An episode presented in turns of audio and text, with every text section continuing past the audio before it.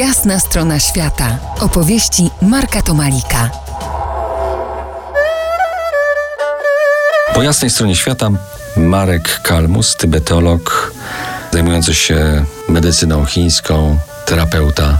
Nie wiem, jak cię lepiej jeszcze przedstawić. Prezes Polskiego Towarzystwa Tradycyjnej Medycyny Chińskiej. Już honorowy. Honorowy od zeszłego prezes. roku. Marek, od y, kilku lat intensywnie, wielokrotnie wracasz do Chin, prowadzisz tam wykłady, zajmujesz się analizą badań naukowych, krytyczno-metodologicznym podejściem do medycyny chińskiej. Uczysz Chińczyków medycyny chińskiej? No, znowu To to jest jest, nieprawdopodobne. trochę dużo z tym uczeniem. Faktem jest, że jeżdżę, ponieważ y, współpracujemy z paroma uniwersytetami medycyny chińskiej, do których wysyłamy y, praktykujących terapeutów czy z już bardziej zaawansowanych y, studentów medycyny chińskiej z Polski. W związku z tym te kontakty pozwalają mi zobaczyć, jak to się zmienia. Medycyna chińska zmienia się faktycznie bardzo. Szczerze mówiąc, poziom medycyny chińskiej na zachodzie bardzo rośnie, a medycyny chińskiej w Chinach no, stoi albo częściowo nawet pod, pod pewnymi względami można powiedzieć, że się obniża. To nie jest moje zdanie, tylko profesorów chińskich, którzy mieszkają od wielu lat na zachodzie i tutaj wykładają, a do Chin też jeżdżą, bo też mają tam kontakty. Ale powiedz, y, taki kasus Marka Kalmusa, który jedzie tam z wykładami medycyny chińskiej do Chin, to jest egzotyka, czy to... To nie jest egzotyka. Ja nie jestem aż tak wielkim specjalistą, żebym uczył Chińczyków, natomiast są y, zachodni specjaliści, którzy mają tytuły profesorskie medycyny chińskiej i niektórzy z nich mieszkają wiele lat w Chinach i uczą i praktykują.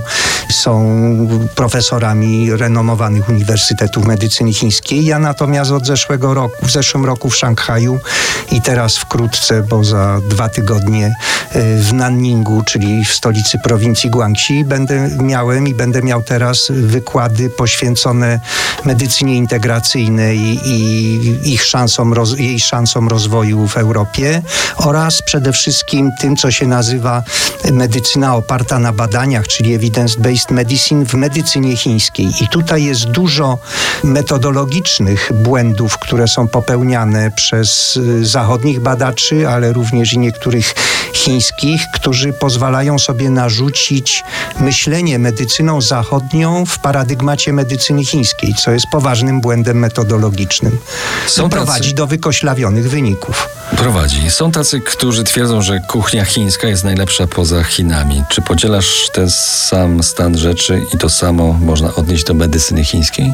Kuchnia chińska jest znakomita w Chinach, mm, za granicą, w innych krajach też pod warunkiem, że, dobry, że jest dobry kucharz.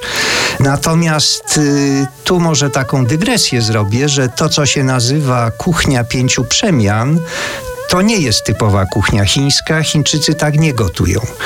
I to nie jest nic złego, kuchnia pięciu przemian, ale istota dietetyki medycyny chińskiej gotowania takiego, żeby było zdrowe, lecznicze nawet, profilaktyczne i tak dalej, leży gdzie indziej. Za kilkanaście minut, ostatnie dziś spotkanie z Markiem Kalmusem, porozmawiamy o świadomości zwyczajnej i przebudzonej. Zostańcie z nami po jasnej stronie świata.